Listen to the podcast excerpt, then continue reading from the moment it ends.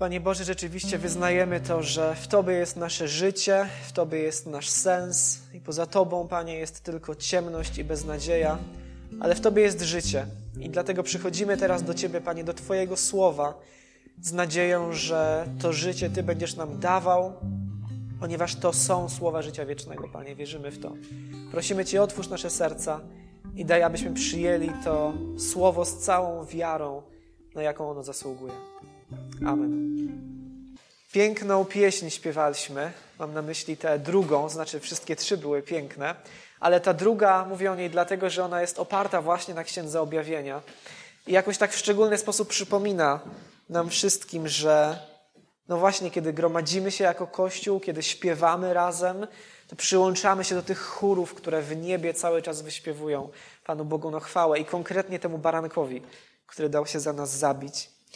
Powracamy w końcu, tak już mnie można usunąć, jeden wystarczy. Powracamy w końcu do Księgi Objawienia, czyli właśnie Apokalipsy Jana. Ostatnie kazanie z tej księgi okazuje się mieliśmy w listopadzie, więc minęło naprawdę dużo czasu. I przechodzimy przez jej pierwsze rozdziały, w których Chrystus się zwraca y, poprzez Jana do siedmiu kościołów, czyli wspólnot chrześcijańskich w Azji Mniejszej. I dokładnie się zwraca do aniołów tych kościołów. Przekazuje słowa pochwały, napomnienia, ostrzeżenia. No ogólnie wzywa do takiego życia w perspektywie swojego powrotu. Pomimo prześladowań, które Kościół znosi, pomimo trudności, pomimo też jakichś wewnętrznych problemów w tych różnych wspólnotach. I każdy list się zaczyna od słów do, zgromad- do anioła zgromadzenia w Efezie napisz, do anioła zgromadzenia w Smyrnie napisz. I dzisiaj przechodzimy do piątego listu z tych siedmiu, zaadresowanego do anioła zboru w mieście Sardis. Temu fragmentowi się dzisiaj będziemy przyglądać. Widzimy mapę, e, ten posłaniec, który wiózł listy od Chrystusa przekazane przez Jana, udał się tak coraz bardziej na północ, aż do Pergamonu i potem już zawrócił na południe przez Tiatyrę. No i dzisiaj jesteśmy w Sardis. Ponieważ już minęło tyle czasu, to kilka słów przypomnienia, o co chodzi z tymi aniołami zgromadzeń. Podchodzi się do tego różnie. E, wiele komentarzy biblijnych zakłada, że ci aniołowie zborów to są aniołowie, którzy zostali przydzieleni tym kościołom, tym wspólnotom, żeby się nimi opiekować, żeby je chronić, je reprezentować. W Starym Testamencie, w księdze Daniela, widzimy na przykład aniołów, którzy reprezentują różne narody. Więc być może w tym tekście poszczególne zbory mają swoich aniołów, opiekunów. To jest ta pierwsza opcja. Druga opcja mówi o tym, że e, tutaj w tych siedmiu listach nie chodzi o żadnych dosłownych aniołów, ale że oni są uosobieniem charakteru e, tych zborów. Tak jak mówimy, możemy powiedzieć, że no w naszej wspólnocie e, panuje taki duch ekscytacji związanej z remontem. Mam nadzieję, że tak jest no to tak samo taki, nie mamy na myśli dosłownego ducha, tylko jakiś, jakiś charakter, jakąś atmosferę i tak samo może tutaj ten anioł to jest taka personifikacja, takie uosobienie charakteru tego zboru. No i w końcu jeszcze inni bibliści sądzą, że aniołowie to jest tutaj takie nietypowe określenie ludzkich przywódców tych wspólnot. Później byśmy w historii Kościoła ich nazwali no już gdzieś tam w II wieku biskupami, tak? chociaż to nie do końca było to, co dzisiaj się rozumie przez biskupów. Później w czasach reformacji by ich nazwano pastorami. Ja się skłaniam właśnie do tej trzeciej opcji. Troszkę już o tym mówiłem w poprzednich kazaniach. W jej ramach też te listy odczytuję, to znaczy, że one są skierowane przede wszystkim właśnie do e, przełożonych tych siedmiu zborów. I oczywiście można mieć inne zdanie, Możemy o tym po nabożeństwie porozmawiać, o tym, która z tych opcji jest sensowna, która nie i tak dalej. Natomiast co jest tutaj ważne, to to, że niezależnie od tego, do której z tych trzech opcji byśmy się skłaniali, to główne wnioski, jakie płyną z tych siedmiu listów, pozostają takie same. I to jest tutaj sedno. Natomiast ogólnie, jeżeli w tym tekście będą jakieś rzeczy dla Was trudne, dziwne, niezrozumiałe, no to, to po nabożeństwie oczywiście możemy do tego wrócić i porozmawiać. No więc przechodzimy do tego listu do anioła zborów Sardis, rozdział trzeci. Troszeczkę go sobie tutaj uporządkujemy i będę czytał od początku, od wersetu pierwszego do szóstego. A do anioła zgromadzenia w Sardis napisz. Oto, co mówi ten, który ma siedem duchów Boga i siedem gwiazd. Wiem o Twoich czynach. Masz imię, że żyjesz, ale jesteś umarły. Bądź czujny i wzmocnij to, co pozostało, a co miało umrzeć. Nie stwierdziłem bowiem, aby Twoje czyny były doskonałe przed moim Bogiem. Pamiętaj więc, jak przyjąłeś i usłyszałeś. Tak zachowuj i opamiętaj się, bo jeśli nie będziesz czujny, przyjdę jak złodziej i nawet nie zauważysz, o której godzinie cię zaskoczę. Lecz masz w Sardis kilka osób, które nie splamiły swoich szat. Ci będą chodzić ze mną w bieli, dlatego że są godni. Ten, który zwycięży, podobnie założy białe szaty i na pewno nie wymarzę jego imienia ze zwoju życia i wyznam jego imię przed moim Ojcem i jego aniołami. Kto ma uszy, niech wysłucha, co duch ogłasza zgromadzeniom. Na początku każdego listu Jezus się przedstawia za pomocą elementów wizji, w których się ukazuje Janowi, zarówno tej wizji na samym początku, w rozdziale pierwszym, jak i kolejnych w tej księdze. I tutaj nawiązuje do dwóch z takich elementów i opisuje się jako tego, który ma siedem duchów Boga, tak, to jest ten werset pierwszy, i siedem gwiazd. No to dla nas może brzmieć dość tajemniczo. Liczba siedem się pojawia w Biblii bardzo często, szczególnie w Apokalipsie, i oznacza pełnię, oznacza kompletność albo doskonałość. Znaczenie tych siedmiu gwiazd sam Jezus nam tłumaczy w rozdziale pierwszym. Tam w tej wizji widzimy, że trzyma siedem gwiazd w swoim prawym ręku. No i wyjaśnia, siedem gwiazd to aniołowie siedmiu zgromadzeń. Więc tutaj w liście do tego anioła kościoła w Sardis przypomina, że to on jest tym, który trzyma w swoim ręku wszystkich tych przywódców, tak? idąc za tą interpretacją, o której chwilę temu mówiłem. On ich dobrze zna, on panuje nad tym, co się dzieje w ich życiu, nic nie umyka jego uwagi, on ma ich w swoim ręku. I to za chwilę się okaże bardzo ważne w kontekście tego, co się dzieje w Sardis. No mniej oczywistych może być tych siedem duchów Boga, o nich jest mowa najpierw też w rozdziale pierwszym, kiedy Jan na początku przekazuje życzenia swoim odbiorcom łaski i pokoju i mówi, że to są łaska i pokój od Boga Ojca, od siedmiu duchów, które są przed Jego tronem i od Jezusa Chrystusa. No i między innymi na tej podstawie w e, pierwszym kazaniu z całej serii że, że te, te siedem duchów Boga się pojawia między Bogiem Ojcem i Synem Bożym jako to trzecie źródło pokoju i łaski. No między innymi na tej podstawie możemy dojść do wniosku, że to jest dość nietypowe określenie, ale Ducha Świętego. Że chodzi tutaj o Ducha Świętego. Mamy liczbę siedem oznaczającą pełnię, więc chodzi o pełnię Ducha, który właśnie został zesłany na ziemię po tym, jak Jezus umarł, zmartwychwstał, wstąpił do nieba. Dlaczego Jezus tutaj się przedstawia w taki sposób? Jako ten, który ma pełnię ducha, ma siedem duchów Boga? No dlatego, że ten duch i tylko ten duch daje życie. Tylko on w nas może wzbudzić życie nowe, pochodzące od Boga. I tego życia w Sardis rozpaczliwie potrzeba, co za chwilę też zobaczymy dokładniej. Dlatego, że Jezus tutaj mówi dalej, Wiem o Twoich czynach. I tak mówi to w każdym miejscu, e, w każdym liście na początku, w tym miejscu. Mówi: Wiem o Twoich czynach w liście do anioła zboru w Efezie. Potem w kolejnym: Wiem o Twoim ucisku i ubóstwie. Wiem, gdzie mieszkasz. Znowu wiem o Twoich czynach. I teraz także w tym piątym: Wiem o Twoich czynach. Zwraca się do anioła zboru w Sardis. Ale wiecie, czym ten list się różni od tych wszystkich poprzednich?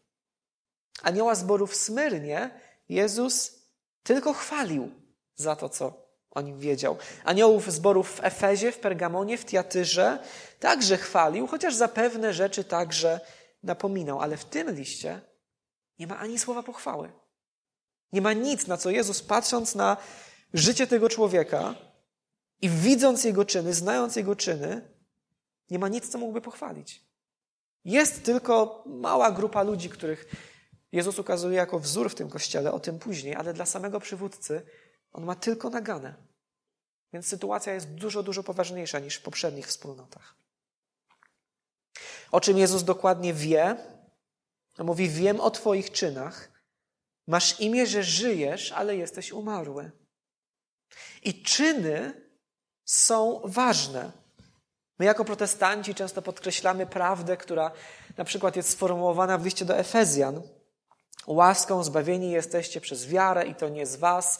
Boży to dar, nie z uczynków, aby się ktoś nie chlubił. Myślę, że wielu z nas zna te wersety na pamięć. No ale nie powinniśmy też pomijać tego, o czym Paweł pisze werset dalej, tak? Dziesiąty werset. Jego bowiem dziełem jesteśmy, stworzeni w Chrystusie Jezusie do dobrych uczynków albo do dobrych czynów, które Bóg przygotował wcześniej, abyśmy w nich żyli. A więc zostajemy uratowani od grzechu i jego konsekwencji, od tego sprawiedliwego Bożego gniewu przez łaskę, przez wiarę, ale celem jest to, abyśmy spełniali Bożą wolę. To znaczy po prostu żyli w tych dobrych uczynkach, o których tutaj Paweł mówi, o, której też, o których też mówi tutaj Chrystus w tym liście. I w związku z tym w Księdze Objawienia te czyny, ten temat uczynków czy postępowania przewija się w wielu różnych miejscach. Jezus chwali czyny niektórych, to o tym już wspomniałem, innych gani. Czytamy, że czyny niektórych ludzi on nienawidzi. Czytamy, że niektórzy się muszą opamiętać ze swoich czynów, żeby nie wpaść w wielki ucisk. To było w liście do Tiatyry. Niektórzy nie chcą tego zrobić, nie chcą się opamiętać ze swoich czynów. Też w wielu miejscach ta księga nam mówi, że Bóg na samym końcu odda wszystkim według ich czynów. Osądzi według czynów, rozdział 20, 22. I w związku z tym, też w tym liście do anioła zboru w Tiatyrze jest powiedziane, że my mamy zachowywać aż do końca jego czyny, czyli naśladować jego postępowanie do, do samego końca naszego życia. W czternastym rozdziale, potem co ciekawe, czytamy o ludziach, którzy umierają w Panu, czyli umierają jako chrześcijanie, jako wierzący, i za nimi, kiedy oni umierają, idą ich czyny. I w związku z tym jest powiedziane, mogą odpocząć po trudach życia na tym świecie. No jak to jest możliwe, że tak wielka waga jest przywiązana do czynów w Księdze Objawienia, skoro zbawieni jesteśmy z łaski przez wiarę? No jest tak dlatego, że czyny są owocem, są widocznym skutkiem tego, czy ta wiara w nas jest, czy nie. I Bóg na koniec nagrodzi nasze dobre czyny, nasze znaczy chrześcijan, nie dlatego, że my przez nie zasługujemy na zbawienie, ale przez to, że one są owocem tego, w jakim stopniu Boża łaska przekształciła, przemieniła, przeżarła, można by wręcz powiedzieć, nasze serce. Dlatego te czyny są tak ważne, bo one pokazują na zewnątrz to, co jest w środku. To, jakie owoce wydajemy, zależy od tego, jakim jesteśmy drzewem. No i dlatego także w tym tekście Jezus mówi do tego anioła zboru w Sardis, ale też do nas wszystkich: Wiem o Twoich czynach, znam Twoje czyny. Ale do niego też mówi: Masz imię, że żyjesz, ale jesteś umarły.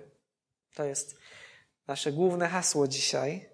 Ładniej po polsku, tak jak w przekładzie literackim EIB, by to brzmiało: Nosisz imię głoszące, że żyjesz, ale ty jesteś martwy.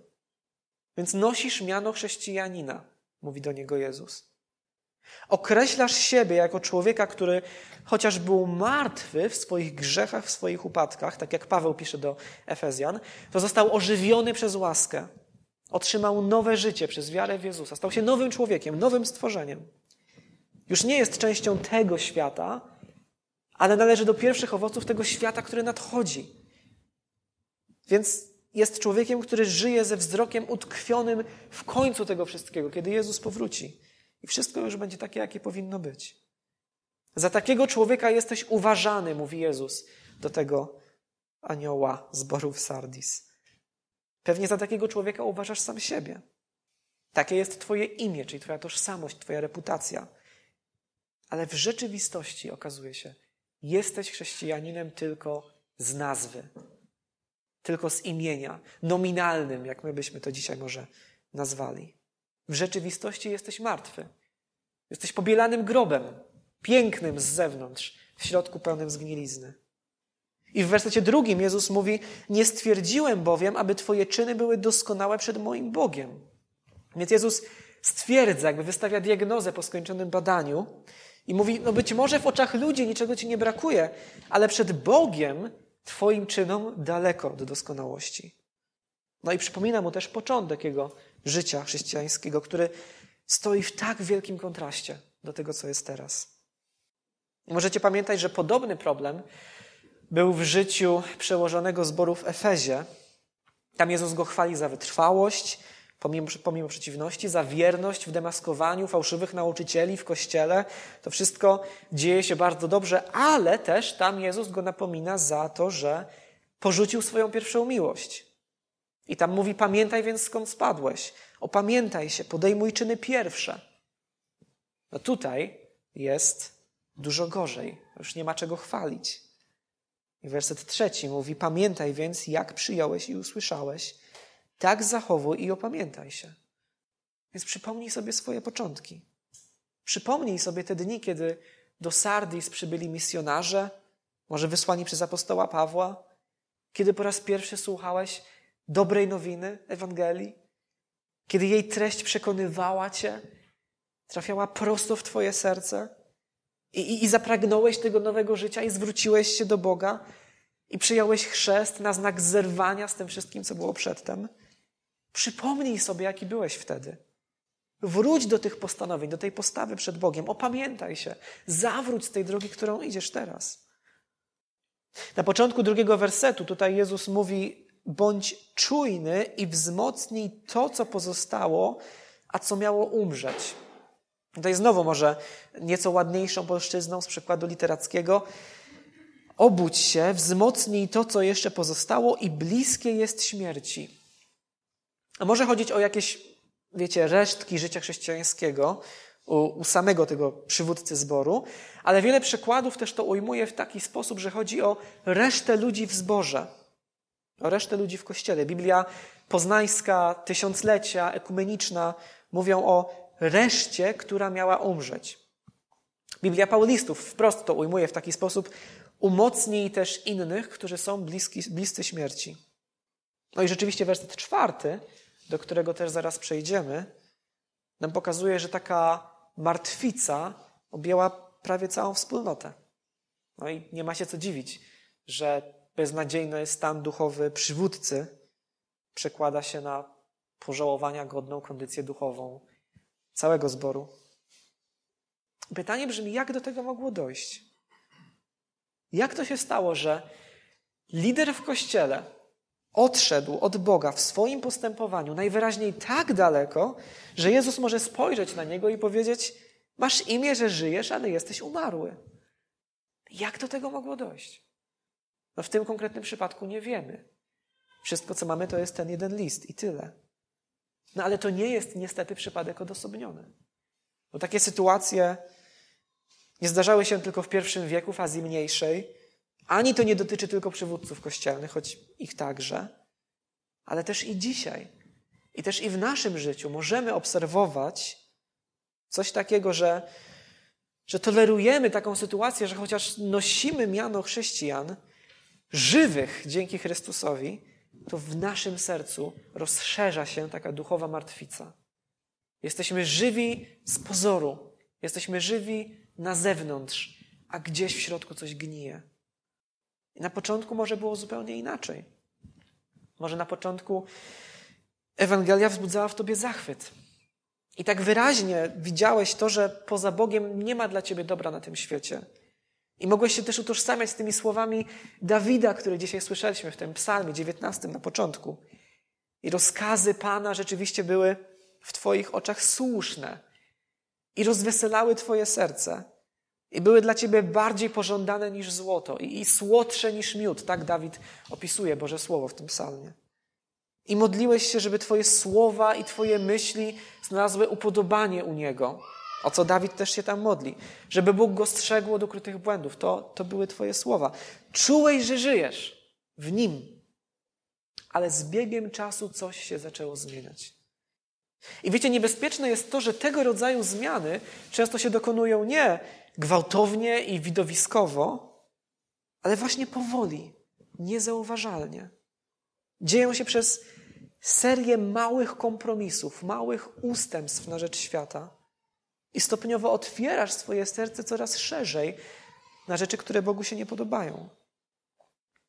To nie jest wtedy tak, jak wiecie, patrząc na tę przypowieść o siewcy, którą Jezus opowiada, że pierwsze ziarno e, pada przy drodze i od razu przylatuje szatan i wybiera to ziarno słowa z Twojego serca, bo od początku nic nie chciałeś zrozumieć. Nie, to jest raczej jak z tym ziarnem posianym między ciernie, że ono rośnie, tak, ale stopniowo zostaje stłumione, zaduszone przez ciernie, czyli przez troski doczesnego życia, jak Jezus wyjaśnia, przez zwodnicze uroki bogactwa, czyli i przez zmartwienia, i przez przyjemności. Jedno i drugie ma taki potencjał, żeby zdusić to słowo, które w nas powinno wydać owoc. I na zewnątrz wszystko może być dalej w porządku. Dalej nosisz imię, że żyjesz, tak? Możesz dalej brać udział w nabożeństwach. Możesz dalej mieć relacje z innymi chrześcijanami. No bo to są często te najbardziej zewnętrzne sfery, tak? Najpierw zmiany się dokonują w środku, w Twoim sercu, w Twoim czasie wolnym, w Twoim domu. Przebywanie z Bogiem gdzieś schodzi na drugi plan, trzeci, czwarty, a wtedy chwasty już się pojawiają same i tracisz czujność. Pozwalasz sobie tak dryfować i ogarnia cię takie duchowe otępienie, taki, no potępienie to później, ale otępienie, taki straszny stan, w którym nie tyle tracisz wiarę, że to wszystko jest prawdą, co raczej tracisz przeświadczenie, że to wszystko jest aż takie ważne. To przestaje mieć wartość w Twoich oczach. To przestaje mieć jakikolwiek smak. Wszystko jest nijakie, jest martwe. Ale jeżeli jesteś w takim miejscu, to dzisiaj Chrystus zwraca się do Ciebie. I jestem o tym przekonany, dlatego że to, to nie jest po prostu zapis korespondencji sprzed dwóch tysięcy lat, ale to jest żywe Słowo Boże, przez które Bóg przemawia, osiąga swoje cele, także dzisiaj. I dlatego każdy z tych listów kończy się tymi słowami, szósty werset. Kto ma uszy, niech wysłucha, co duch ogłasza zgromadzeniom. Więc Chrystus zwraca się do ciebie i mówi: Wiem o Twoich czynach. Nosisz imię głoszące, że żyjesz, ale Ty jesteś martwy. Obudź się. Wzmocnij to, co jeszcze pozostało i bliskie jest śmierci. Nie stwierdziłem bowiem, aby Twoje czyny były doskonałe przed moim Bogiem. Przypomnij więc sobie, w jaki sposób przyjąłeś to, co usłyszałeś. Strzeż tego i opamiętaj się. Ta świadomość, że Chrystus mnie zna na wylot, że On zna brudy mojego serca lepiej niż ja sam, jest straszna. Ale też myślę, że może nieść nadzieję. Bo pomimo, że On Cię zna takim, jakim jesteś, nawet jeżeli Cię ogarnia taka duchowa martwica, to On z Tobą nie skończył. On z Ciebie nie zrezygnował. No wiem to stąd, że teraz słuchasz tych słów, tak? Więc najwyraźniej On chce, żebyś słuchał tych słów. Chce, żebyś się obudził, żebyś coś z tym zrobił. Żebyś otrząsnął się z tego letargu. No bo jak straszny to jest stan. To jest taki stan, w którym człowiek wciąż jest przekonany o prawdziwości Ewangelii. Jego bunt nie jest całkowity. To nie jest tak, że on odrzucił wszystko i teraz jest wojującym ateistą. Nie. Ale też brakuje mu chęci do życia zgodnie z tym przekonaniem. Więc ma wyrzuty sumienia, ale tłumi je gdzieś w sobie. I myślę, że tak naprawdę to nikt z nas nie chce żyć w taki sposób, bo to jest beznadziejne życie. Ale musisz sam sobie, każdy z osobna, jeżeli jesteś w takim miejscu, sam odpowiedzieć sobie na pytanie, czy chcesz pozostać w tym miejscu, w którym jesteś, czy też chcesz z niego wyjść. A drogą do wyjścia, którą Jezus też tutaj wskazuje, jest upamiętanie. Jest, jest zmiana kierunku, w jakim zmierza Twoje życie. Ale to jest taka zmiana, której nikt nie jest w stanie dokonać sam.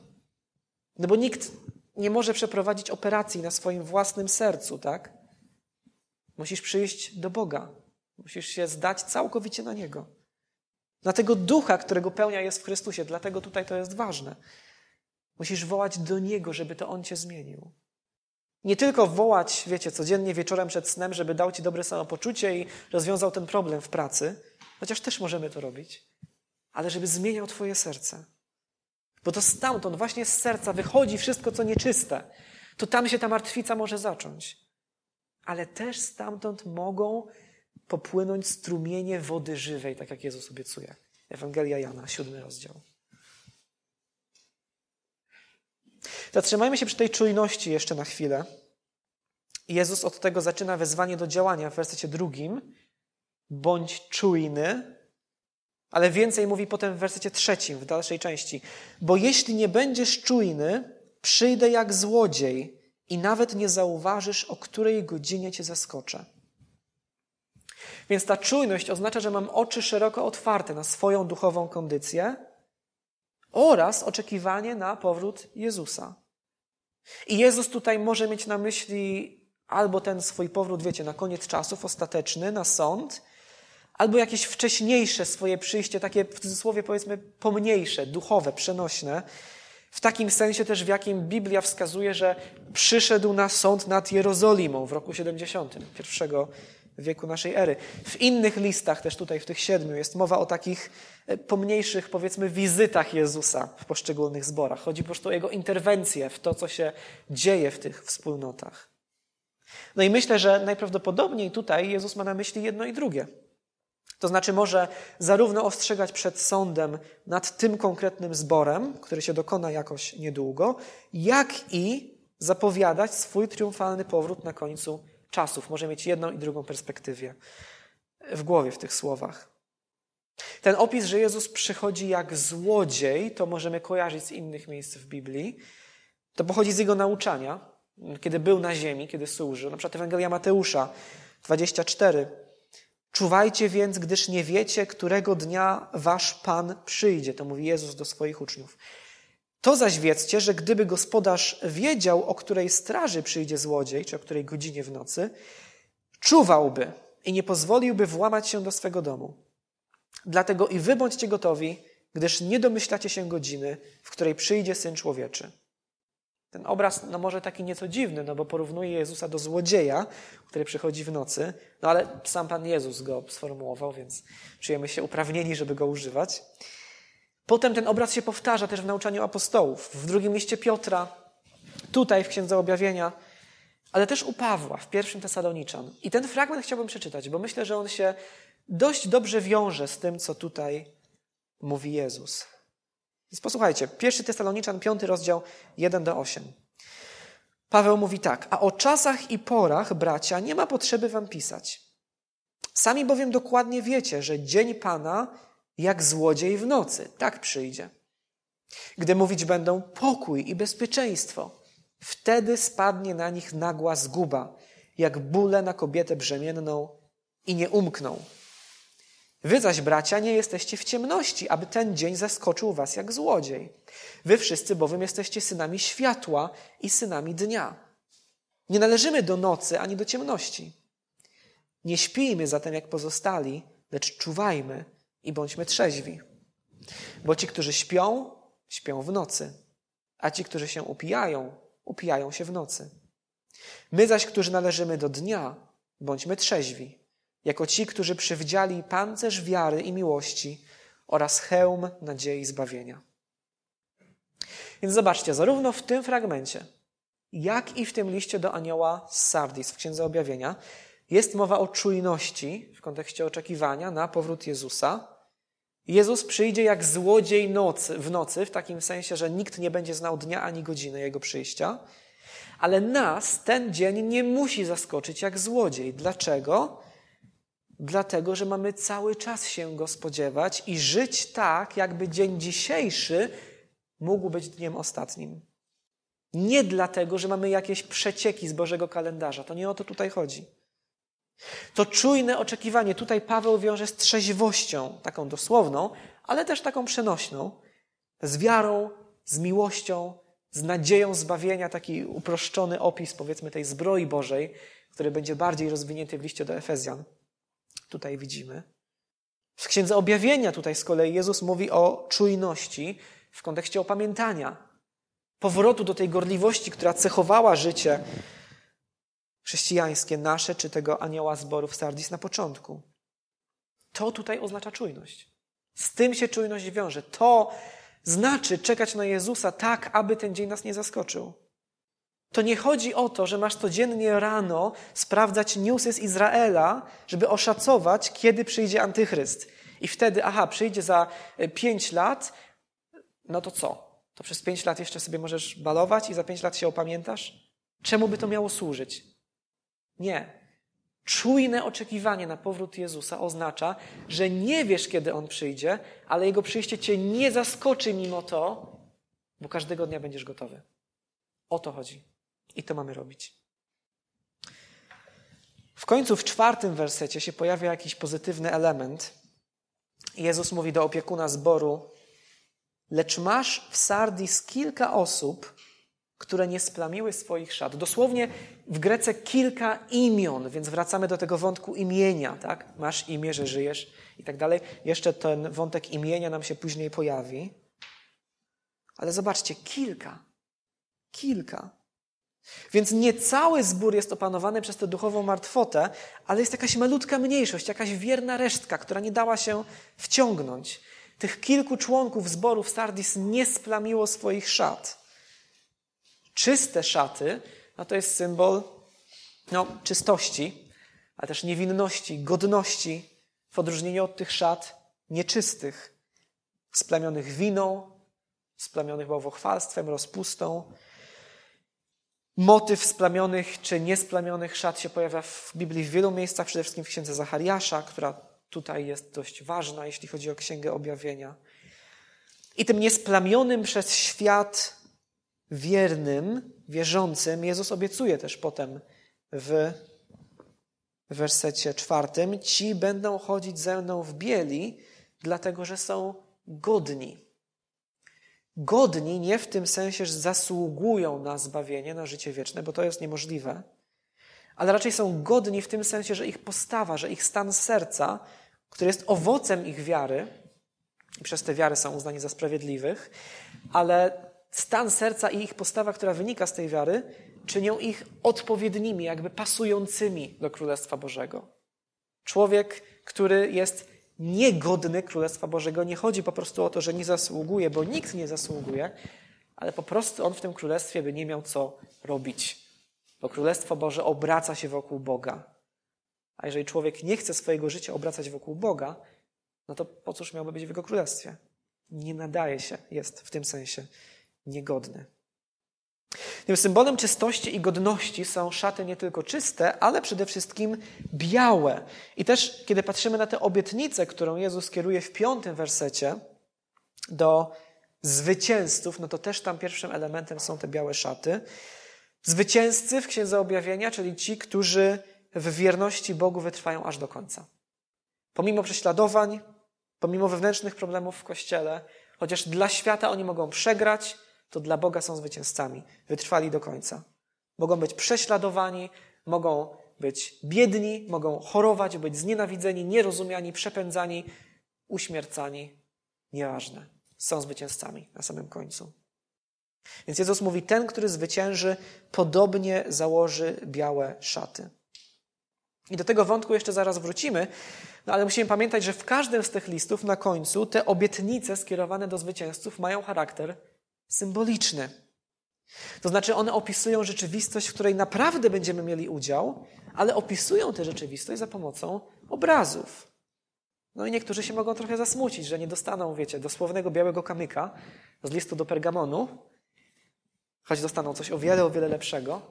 No ale myślę, że się wszyscy ucieszymy, że nie zostaniemy dosłownymi filarami w świątyni, bo o tym mówi list do zborów Filadelfii, kolejny, który będziemy omawiać. Więc to jest pierwsza obietnica. Białe szaty. Druga, Jezus na pewno nie wymarze imienia zwycięzcy ze zwoju życia. Zobaczcie znowu wątek imienia, tak? On tutaj cały czas nam się przewija. Zwój życia albo księga życia to jest obraz tego, że w Bożym planie jest postanowione, komu to życie przypadnie w udziale. To nie jest kwestia przypadku. To jest taki jakby Boży rejestr żyjących. Taka idea księgi życia się pojawia już w Starym Testamencie, w Księdze Wyjścia, w Psalmie 69. I tam też jest mowa o wymazaniu kogoś z księgi życia. Natomiast tam raczej chodzi o życie doczesne, tak, że Bóg po prostu odbierze komuś życie, odbierze komuś udział w narodzie Izraela w ten sposób. Potem w księdze Daniela 12.1 12, pojawia się po raz pierwszy obraz księgi, w której są zapisani wszyscy ci, którzy zostaną ocaleni, uratowani w dniach ostatecznych. No i potem w Nowym Testamencie ta księga życia pojawia się w wielu miejscach, ale już dotyczy zawsze życia wiecznego. Na przykład Jezus swoim uczniom radzi, Łukasza 10:20, cieszcie się, że wasze imiona wpisane są w niebiosach. W Filipian 4:3 Paweł mówi, że imiona jego współpracowników są w zwoju życia. No i też przede wszystkim w Księdze Objawienia. Ten obraz się pojawia siedem razy, no i tak jak w całym Nowym Testamencie, oznacza już zbiór albo listę tych, którzy mają czy otrzymają życie wieczne. Można by powiedzieć w nawiązaniu do kazania sprzed dwóch tygodni, że Pan Bóg też ma taką swoją listę członków. Chociaż oczywiście ona się nie pokrywa z tymi naszymi tak do końca. On wie, którzy są Jego. Nigdy się nie myli. No i tutaj otrzymujemy obietnicę. Zwycięzca na pewno nie będzie wymazany z tego zwoju życia. Nie ma takiej możliwości. Czy to oznacza, że niektórzy mogą z niej zostać wymazani? Że można stracić swoje zbawienie? No niektórzy na podstawie tego wersetu między innymi uważają, że tak, owszem, można być wymazanym, jeżeli się nie zwycięży w tym boju wiary. Inni mówią, że do księgi życia są wpisani wszyscy ludzie, jacy kiedykolwiek żyli, jacy w ogóle mają się urodzić, ale dopiero jeżeli ktoś uparcie odrzuca Ewangelię albo umiera jako niewierzący, no to wtedy zostaje z niej wykreślony. Tak? No w Biblii nigdzie nic takiego nie jest powiedziane. Natomiast przede wszystkim myślę, że powinniśmy, powinniśmy uwagę zwrócić na to, co o tej księdze mówi sama Apokalipsa. Na przykład, trzynasty rozdział, ósmy werset. Tam się pojawia wątek bardzo emocjonujący bestii albo zwierzęcia, czyli tej bezbożnej władzy, która prześladuje Kościół. No i jest tam powiedziane, że tej władzy pokłonią się wszyscy, którzy mieszkają na ziemi, każdy, którego imię nie jest wpisane w zwój życia baranka zabitego od założenia świata. I potem jeszcze bardziej wyraźny fragment, czy jasny, 17:8, czytamy, że tym zwierzęciem, tą bestią, tą bezbożną władzą zdziwią się mieszkańcy ziemi, których imiona nie są zapisane na zwoju życia od założenia świata. Więc ci, którzy są tam wpisani, znajdują się tam od założenia świata, od początku stworzenia. Jeżeli jesteś wpisany, to nie pokłonisz się bestii. Jeżeli nie jesteś, no to pójdziesz za nią. W czasie próby Twoja tożsamość wyjdzie na jaw. Więc nie ma tutaj miejsca na to, aby w tej księdze byli wszyscy ludzie, jacy kiedykolwiek żyli, albo żeby Bóg kogoś na bieżąco wpisywał i wypisywał. Nie. To jest, mówiąc krótko, spis Bożych wybranych. Ci wybrani wytrwają do końca, wszyscy bez wyjątku, a więc imię żadnego z nich nie będzie wymazane z księgi życia. No ale w ten sposób dotykamy tematu, na który już by nam dzisiaj nie starczyło czasu pewnie. Ale w końcu mamy też trzecią obietnicę. Piąty werset, związaną także z imieniem. To imię zwycięzcy Jezus wyzna przed Ojcem i Jego aniołami. No to jest też oczywiście echo nauczania z Ewangelii. Na przykład w Łukasza 12 Pan Jezus mówi: Do każdego, kto mnie wyzna przed ludźmi, syn człowieczy przyzna się przed aniołami Boga. Każdy zaś, kto się mnie zaprze przed ludźmi, także dozna zaparcia się go przed aniołami Boga. Innymi słowy, jeżeli będziesz chrześcijaninem, nie tylko z nazwy, z imienia, ale prawdziwie, żywym, a nie umarłym, to otrzymasz białą szatę, symbol czystości i niebiańskiej chwały. Twoje imię już na zawsze będzie w księdze życia, a sam Jezus przyzna się do ciebie przed całym niebem. Taka jest obietnica, którą tutaj otrzymujemy. Jedno pytanie na koniec.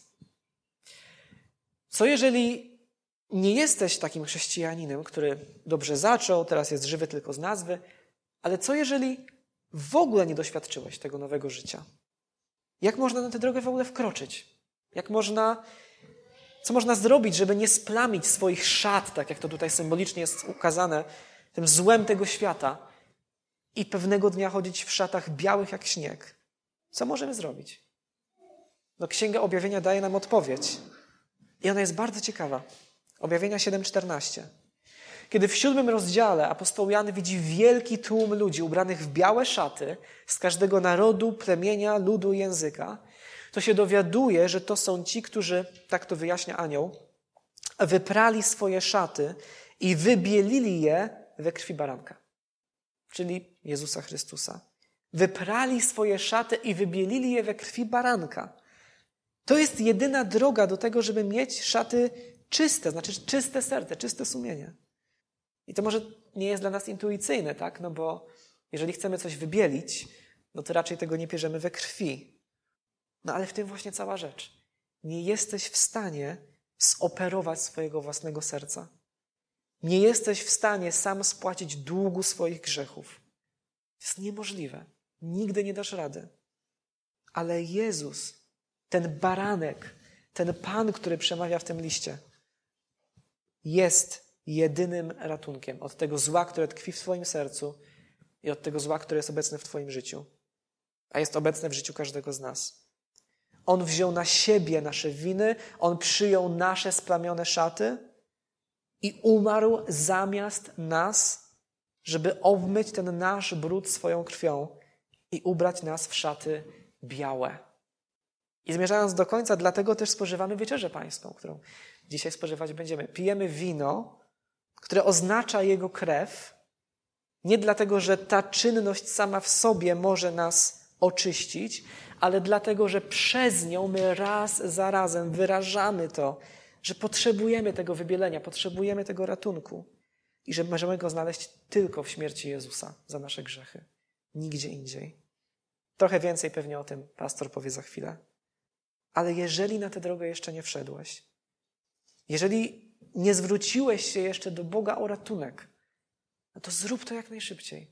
Po co miałbyś czekać? No życie bez Niego to, to w ogóle nie jest prawdziwe życie. Pochylmy głowy do modlitwy.